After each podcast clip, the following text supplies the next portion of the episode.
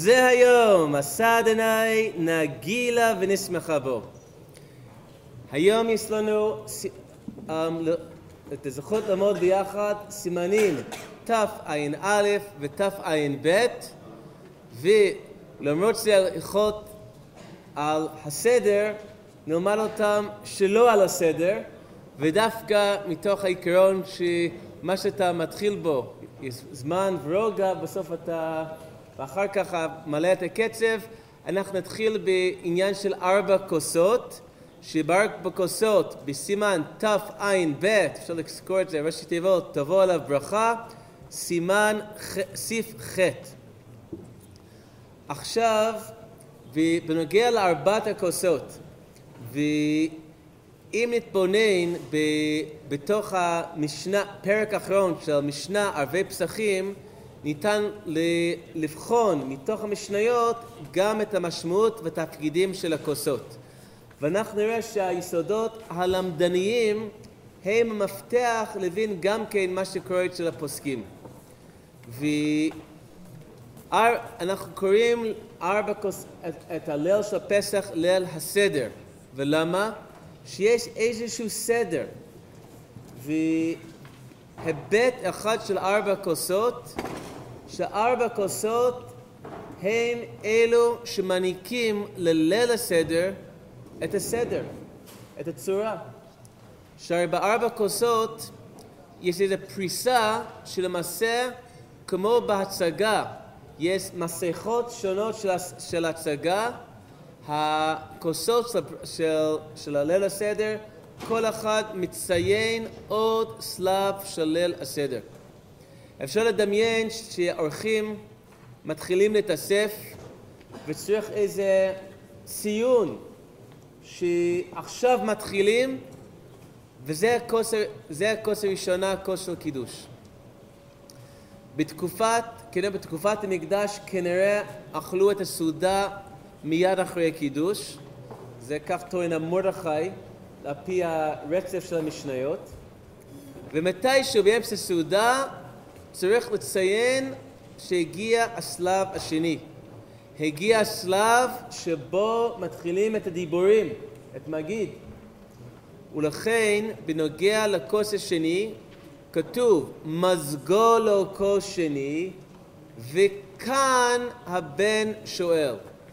כאן, זאת אומרת, הכוס השני הוא ציון מקום, הוא ציון דרך, הוא מלמד שהגיע השלב השני של התיאטרון של ליל הסדר. באמת זה רעיון לעשות פלייבק על. כל הספרים של הסדר. טוב. והדיבורים ממשיכים, ארוחה ממשיכה, ושוב פעם צריכים איזה ציון דרך.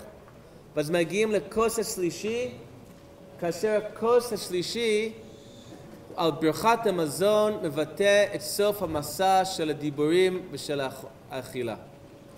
אבל זה עוד לא הסוף. יש גם את הכוס הרביעי, ועל הכוס הרביעי נאמר שאומרים עליו, גורמים עליו את ההלל ואומרים עליו את ברכות השיר. גם כאן יש ציון דרך, ולכן יש תפקיד סטרוקטורלי לארבע כוסות ליצור את המבנה של ליל הסדר. עוד היבט בנוגע לארבע כוסות, שכל אחד מארבע כוסות קשור לדיבור. כל כוס קשור לדיבור, הכוס הראשון לקידוש, השני למגיד, השלישי ברכת המזון, הרביעי ברכות השיר והלל, וכל הדיבורים בליל הסדר יש קשר לכוס. וזה גם כן עוד איזה ביטוי לתפקיד של הכוס, שביהדות הרבה פעמים דיב... אנחנו כל הזמן מדברים. כדי להראות שיש איזה דיבור שיש בו תוקף יותר משמעותי, אנחנו רוצים ליצור איזשהו, לתת איזה סטטוס, ליצור איזושהי אווירה, ואנחנו עושים את זה על ידי הכוס. כך עושים למשל בחתונה. יש את הכוס בקידושין, הכוס בנישואין, וגם כך עושים בקידוש בכל שבת וחג. עושים לחיים. מה? עושים לחיים. עושים לחיים, נכון, שסתם לדבר זה לא מספיק רציני, צריך לעשות לחיים, כמובן בעיקר על מים, ראה עניין פורים. טוב, וכן תוספות כותב במסכת סוכה דף ל"ח ומסתמה לא תקנו ארבע כוסות אלא כדי לומר עליהם הלל והגדה. זאת אומרת, תוספות אומר שלמה יש את הכוסות? שעל הכוסות אומרים את ההלל, דברי הלל והודה. ולכן יש שני תפקידים לכוסות שעולים מתוך המשניות. הכוס, הכוס מצד ציון דרך, מניק סדר, והכוס כאמצעי להעניק יותר סטטוס, יותר חשיבות לדיבורים. אבל יש עוד מימד לארבע כוסות. המשנה הראשונה בערבי פסחים מלמדת אותנו שאפילו אני שבישראל צריך לשתות ארבע כוסות, אפילו שהוא כל כך עני שכל יום הוא לוקח את האוכל שלו מהתמחוי. וכאן אני חושב שהבחירה של המשנה לדבר על הדמות של העני, כאילו, הרי זה כל המקור שיש מצוות ארבע כוסות, זה בא משם. זאת אומרת, לא נאמר, יש מצווה ארבע כוסות, ואחר כך, הרת שוליים, גם עניים חייבים, אלא כל הדרך שבה המשנה מלמדת אותנו ארבע כוסות, הוא דרך דמותו של העני. ויש כאן מסר גדול. והמסר הגדול הוא שלמעשה ליל הסדר זה הסיפור שאדם שהיה עני, אנשי עם שהיו עם של עניים, שלא היה להם שום דבר, בואו בלילה, יש את הנפח הגדול והופכים להיות בני חורים. ולכן אני מרגיש את ה... גם במשנה ארבע כוסות, ודמותו אני שותה ארבע כוסות, ארבע כוסות זה לא רק אמצעי לדיבורים או אמצעי למבנה של הסדר, אלא ארבע כוסות זה, זה כפי שנאמר בגמרא, זה ביטוי של דרך חירות. בן חורים עושה סעודה יוקרתית עם הרבה כוסות של יין. ולכן למעשה יש לנו שני כיוון דרכים להסתכל על ארבע כוסות. ותקע, אחרי זה נראה שכל שולחן ערך הכל יהיה מובן המחלוקות. דרך אחת, ארבע כוסות, הנוכחות של הכוס משרת איזשהו צורך אחר, ושל סדר או סטטוס לדיבורים, או, שהשתי... חשוב ששתיית הרבה יין בליל הסדר הוא ביטוי שאני בן חורים. ולמעשה יש חקירה מפורסמת של הגריז. הגריז היה הרבי מבריסק, שבעצם קשור לשאלה הזאת. הוא שואל, אה, הוא מביא כמחלוקת בין רמב"ם ותוספות לדעתו, שבאמת השאלה הזאת, אם עיקר, אם עיקר זה הנוכחות של הכוס או שתיית הכוס. הוא מציג את זה באופן מאוד למדני, השתייה או הנוכחות. תכף אנחנו נראה נפקא מינות. אבל דתי המחלוקת הזה זה, זה שורשו במשמעות של ארבע כוסות. אם ארבע כוסות זה ציוני דרך או הנקת סטטוס לדיבורים, העניין זה הנוכחות של הכוס. אבל אם זה חוויית בן חורים, זה עניין זה שתיית הכוס. בכל אופן, אלו שתי הכיוונים להבין מה זה ארבע כוסות, ועכשיו ניתן לפנות ללמוד הלכות. בסעיף ח' צריך לשתות ארבע כוסות על הסדר, ואם שתן זה אחר זה שלא כסדר לא יצא. כאן יש אמירה שארבע כוסות חייבות להיות במסגרת שנקבע להם שכוסות על הסדר. זאת אומרת, זה נותן מקום לטעם של ארבע כוסות, ש... שאני רואה עולה מתוך פשט המשנה, של ארבע ציוני דרך. וכדי לממש את תפקידם צריך לשתות אותם על הסדר. ואציין שבתוך ה... שבגמרא יש דעות אחרות. בגמרא יש שיטת היושלמי ושיטת שמואל כותב דווקא שגם אם אתה לא שותה כסדר, אתה יוצא ידי חובה. ורבא כותב, אתה יוצא ידי יין, ויש נוסחות חירות, יוצא ידי חירות, אבל דרבא, ארבע, יוצא חובת ארבע כוסות, אתה לא יוצא. זה ממש חקירה למדינית, שיש שני דינים בארבע כוסות. יש חוויית החירות, ושם העיקר זה לשתות ארבע כוסות, וזה אפילו אם זה לא כסדר. ויחד עם זה, יש את, ה... את הצורך להיות של ארבע כוסות כסדרן להעניק את הסדר לסדר. בפשטות יש את שתי הפנים האלו, ו... ומה שנפסק בהלכה לא יוצא ידי חובה, לא יוצא ידי חירות, באמת אתה יוצא ידי חובה, רק שידי יצירת מבנה על ידי הכוסות לא, um, לא זכית. טוב, עכשיו עוברים לסעיף ט', שיעור הכוס רביעית לאחר שימזגנו, um, וישתה כולו או רובו, ואם יש בו הרבה רביעיות, שותים ממנו כל כך בני אדם, כמניין רביעיות שבו. ויש אומרים שצריך לשתות רוב הכוס, אפילו מחזיק כמה רביעיות. יש כאן מחלוקת. כמה צריך לשתות מתוך הכוס. יש דעה שעיקר זה לשתות רביעית. קודם כל פשוט שנדע, ולפי הדעה השנייה צריך לשתות רוב הכוס. הרבי מבריסק תולה את זה באותה מחלוקת שאמרתי קודם. אם העיקר זה שתיית הכוס, צריך לשתות רוב כוס. אבל אם העיקר זה נוכחות של כוס, מספיק לעשות איזושהי טעימה, ורביעית מוגדרת שהיה טעימה מתוך הכוס. אוקיי, אז ממש יוצא את שתי התפיסות כאן. Um, השיטה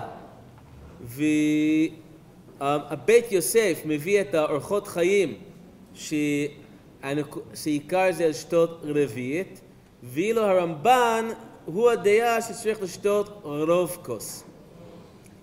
טוב, אבל שאלה שתמיד כמובן שואלים הוא כמה זה רביעית. המילה רביעית הוא קיצור של רביעית הלוג.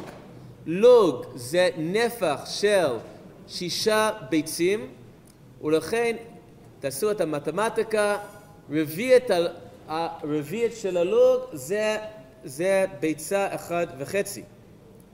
עכשיו, אבל עכשיו יש בעיה, כמה זה ביצה? אתה הולך למכולת, יש גודל אקסטרה לארג' ולארג' ומדיאם, קטן או לריטי, ואם כן צריך לראות על איזה ביצה מדובר.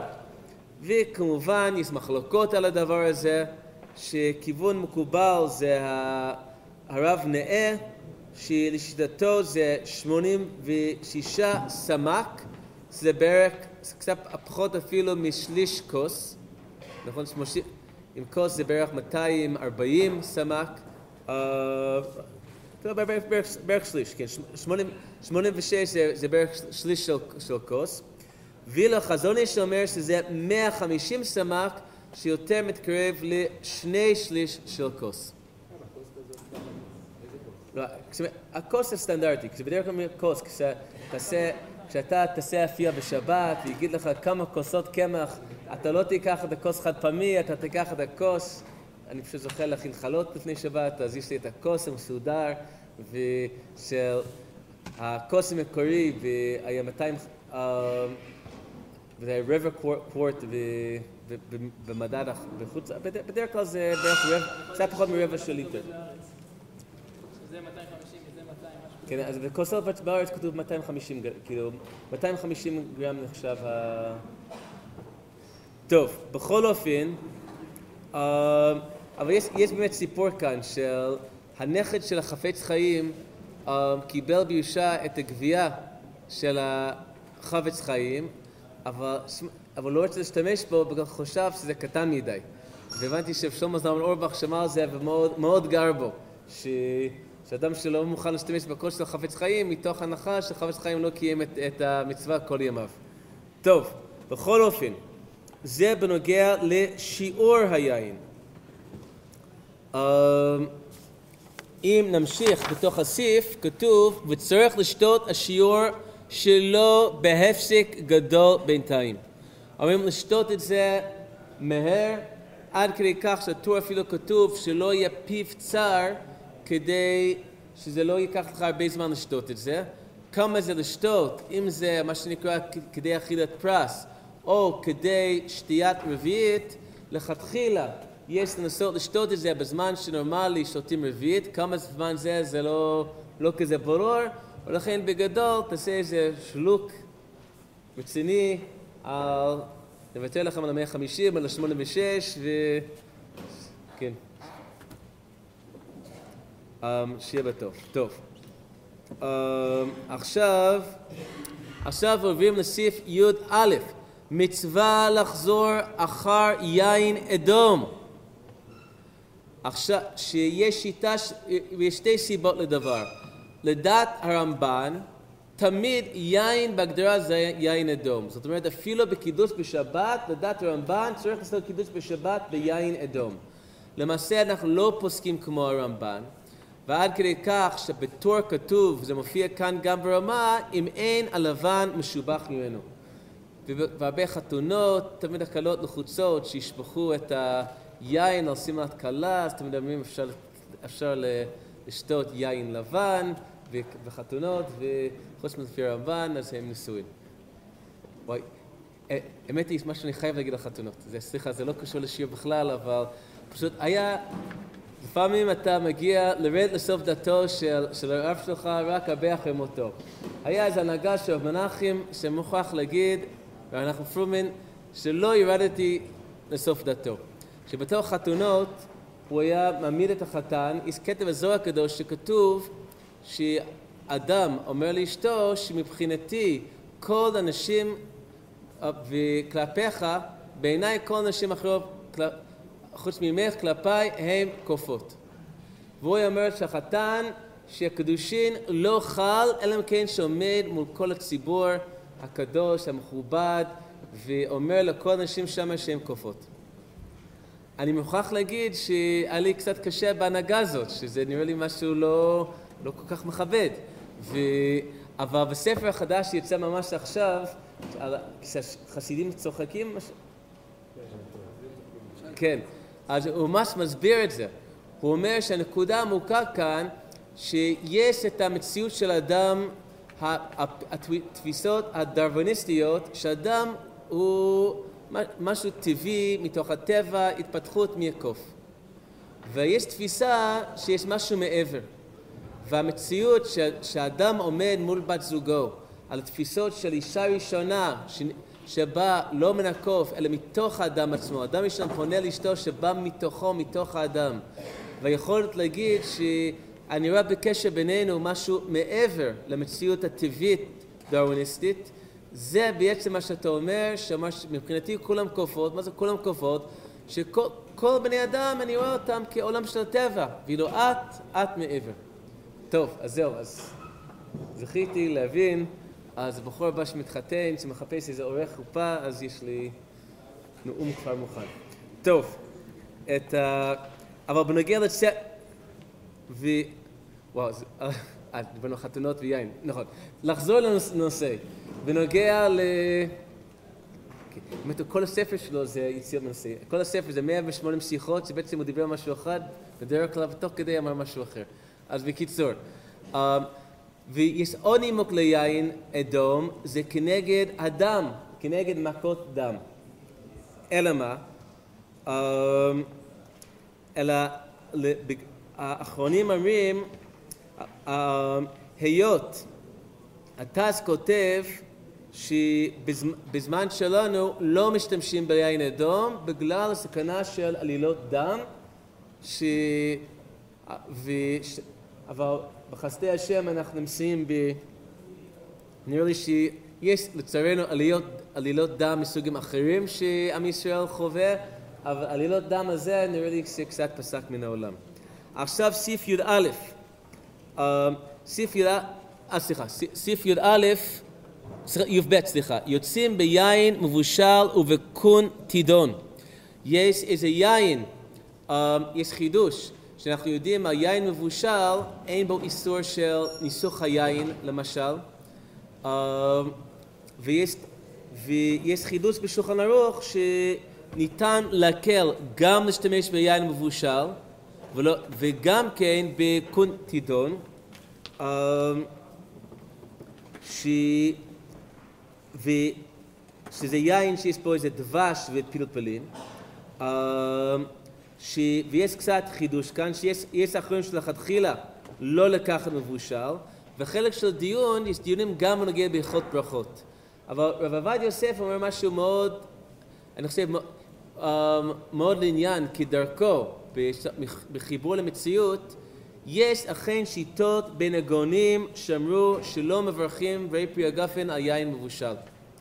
אבל הוא טוען שתהליך הבישול בתקופת הגאונים היה, היה, היין עבר תהליך שיותר פגע בטעם של היין וממילא לא מהגפן. ואילו אנחנו, תהליך הבישול שעובר היין בזמננו הרבה פחות פוגע בטעם ולכן אנחנו uh, מקדשים, אומרים ברי פרי הגפן uh, ו...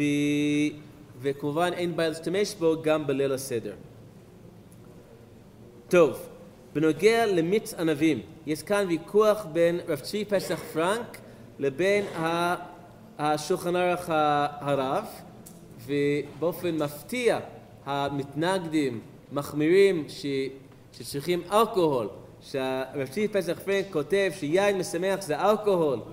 אה, ורק מקל בשעת הצורך, ואילו השולחן ערך הרב אומר שנקודה זה שתייה ערבה, שהערבה זה החירות, ומי שיותר אוהב מיץ ענבים יכול לשתות את זה. אני זוכר שבזמנו רב שמואל אריאל ניסה להציע לאנשים שמוטרדים לשתות יותר מדי יין, ועל ידי זה להירדם בתחילת הסדר, uh, לעשות איזה תערובת, לקחת קצת יין ולערבב את זה יחד עם, um, עם מיץ ענבים, שיש גם מעט של אלכוהול, אבל גם כן uh, מתוק. אבל צריך לבדוק שזה יוצא טעים. נכון? אם זה לא יוצא טעים, אתה משאיר את ה... פעם, פעם הגיע איזה כל משפחה מרוסיה, לבקר את המשפ... בבית של מיכל. ו... ותמיד יש כמה בקבוקים שנשאר רק קצת ואין אף אחד לגמור את זה. אז, אז הסחוטנת שלי התרגשה שמגיע מישהו רוסיה, לקח כל הבקבוקים, את כולם, לבן, מתוק, יבש, לבן, אדום, כולם ערבבו את כולם איזה כוס אחד, והנה אתה מרוסיה, שם אוהבים יין, הנה קח את הכוס, וכמובן האורח פניו חיוור, חיוורו מרוב ה... אז קיצר, כשמערבים את זה צריך לבדוק קודם שזה יצא טעים. Uh, יש איזו נקודה בנוגע לאחוזי יין, הרבה פעמים יש בקבוקים שכתוב ברכת הגפן גם לפי שיטת הבית יוסף, הנקודה הזאת שספרדים פשוט צריכים שהרוב יהיה יין, ואילו לאשכנזים מספיק רק שישית יין. טוב, בנוגע למי שחייב אנחנו יודעים, זה י"ד, גם נשים חייבות בארבע כוסות וכל מצוות הנוגעות באותו הלילה, שגם הן היו באותו נס. יש מנהג לחלק, וואי, משהו ממש יפה להגיד. כתוב מצוות לחלק לתינוקות כליות וגוזים כדי שיהיו שינוי וישאלו. אני הייתי אצל, בבית של משפחת מאיר עכשיו, אצל, אצל נתן, הוא אומר שיש לו בדרך כלל הוא יכול ליל הסדר אצלו בבית, אבל השנה יכול מאוד שילך למקום אחר, אבל יש מנהג שהוא לא יוותר. כלומר, בדרך כלל הם, הם מקפידים על אוכל ובריאות וכל הדברים האלו, אבל בליל הסדר קונים את הממתיקים הכי הכי שווים, והשולחן מתמלא בממתיקים הכי שווים, כדי, זה מה שמחזיק את הילדים. אז, אז יש להם קצת פחות תיאבון לאוכל אחר כך, אבל יש את הממתקים וזה מה שמחזיק אותם.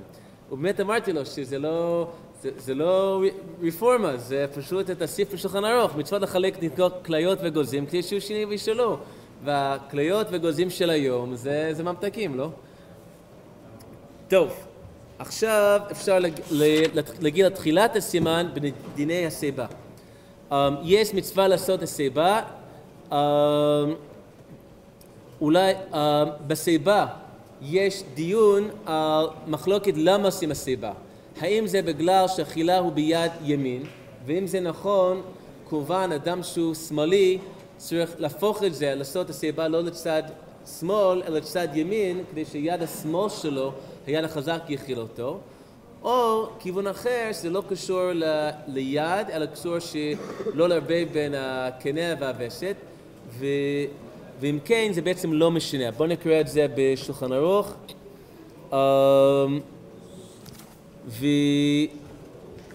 וכשהוא עשיו, סעיף ג', לא יטל גבו ולא על פניו ולא על ימינו, אלא על שמאלו. וברמה כתוב, ואין חילוק בין היתר לאחר, זאת אומרת, פוסקים להלכה שכולם עושים לצד שמאל. בנוגע לנשים, המחבר כותב, אישה אינה צריכה הסיבה, אלא אם כן היא חשובה. אז טוב, והתגובה האשכנזית זה מצד אחד לדאוג למעמד אישה, אבל מצד שני בסט ולהקל בהגה. וכל הנשים שלנו מקרי חשובות. אז אתה מצפה שהשוער הבא, שאם כל הנשים, הרמ"א כותב כל הנשים שלנו חשובות, אז המשפט הבא, ולכן כל הנשים עושים הסיבה.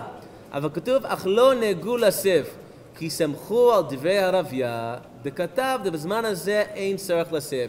יש דעה של הרביה שכותב שעניין השיבה זה לא גזרת הכתוב. בתקופת חז"ל, סעודה יוקרתית, אנשים עשו השיבה, ולכן ככה עשו.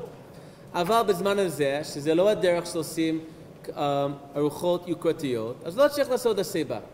היות שיש דעה כזאת, אז ניתן להסביר את המנהג של, שלמה נשים לא, אה, לא עשות השיבה, אפילו שלכאורה כן היה ראוי לחייב אותם לסיבה כמו הגברים. הרב מה? הרב לא הופסק להלכה, אבל היות שזה קיים בזירה הלכתית. אמ, יש גם כן, מדינא דגמרא יש כל מיני מצבים שאדם לא עשה סיבה, הוא צריך ממש לחזור לעשות את המצווה עוד פעם. בשולחן ערוך אנחנו כבר נראה שמגיע לתום זמננו, אמ, בשולחן ערוך מביאים בכמה מצבים מקילים, שגם היות שיש שיטת הרבייה, אלא אם כן זה מאוד, מה שמאוד ברור, uh, לא, לא מחזירים אותם על המצווה, בגלל שיש אפשר לסמוך על הרבייה. אבל, uh, אבל היות שזה חשוב, אולי זה, זה, וזה נקרא סעיף ז', ובזה נסיים. כל מי שצריך הסיבה אם אכל או שתה בלא הסיבה לא יצא וצריך לחזור לאכול לשתות בסיבה. המחבר רואה את זה לעיכובה. הגה, ויש אומרים בזמן הזה דאין דרך להסב, כדאי רביה לסמך עליו שבדיעבד יצא בלא הסיבה. ונראה לי, אוקיי? אז, אז מי דעה שלא צריכים לחזור. ונראה לי אם לא שתה כוס שלישי רביעי בסיבה, אין לחזור לשתות בסיבה. יש בה חשש שנראה כמו סיבה לכוסות, אבל שני הכוסות הראשונות יחזור וישתה בלא ברכה. וכן באכילת מצה. שאכילת מצווה, מצה, שזה מצווה דיורייתא, כן להקביד לחזור ולאכול בסיבה. ולכתחילה יסב כל הסעודה. אז סימן עקרי תע"ב, הספקנו לעשות ביחד. Um, הסימן יותר קצר תע"א, זה שלוש ספרים אולי uh, מדבר שם על אכילה בערב פסח. אולי הלכה אחת חשובה משם, אז uh, שהיא צריכים לזכור שיש איסור לאכול מצה בערב פסח, um, ו, וגם, אבל יש שטוענים שחלק של העוגיות, עוגיות מצה, עוגיות שהן רק קמח, מים וסוכר, שזה לא מצה עשירה, אלא עוגיות מצה, זה, um, זה דבר שאין לאכול את זה בערב פסח, שזה נכנס לקטגוריה של אין, ש... שאין להיכנס, שבערב פסח לא, לא לאכול מצה. סוף דבר, הכל נשמע. את אלוהים ירא ואת מצוותיו שמור, כי זה כל האדם.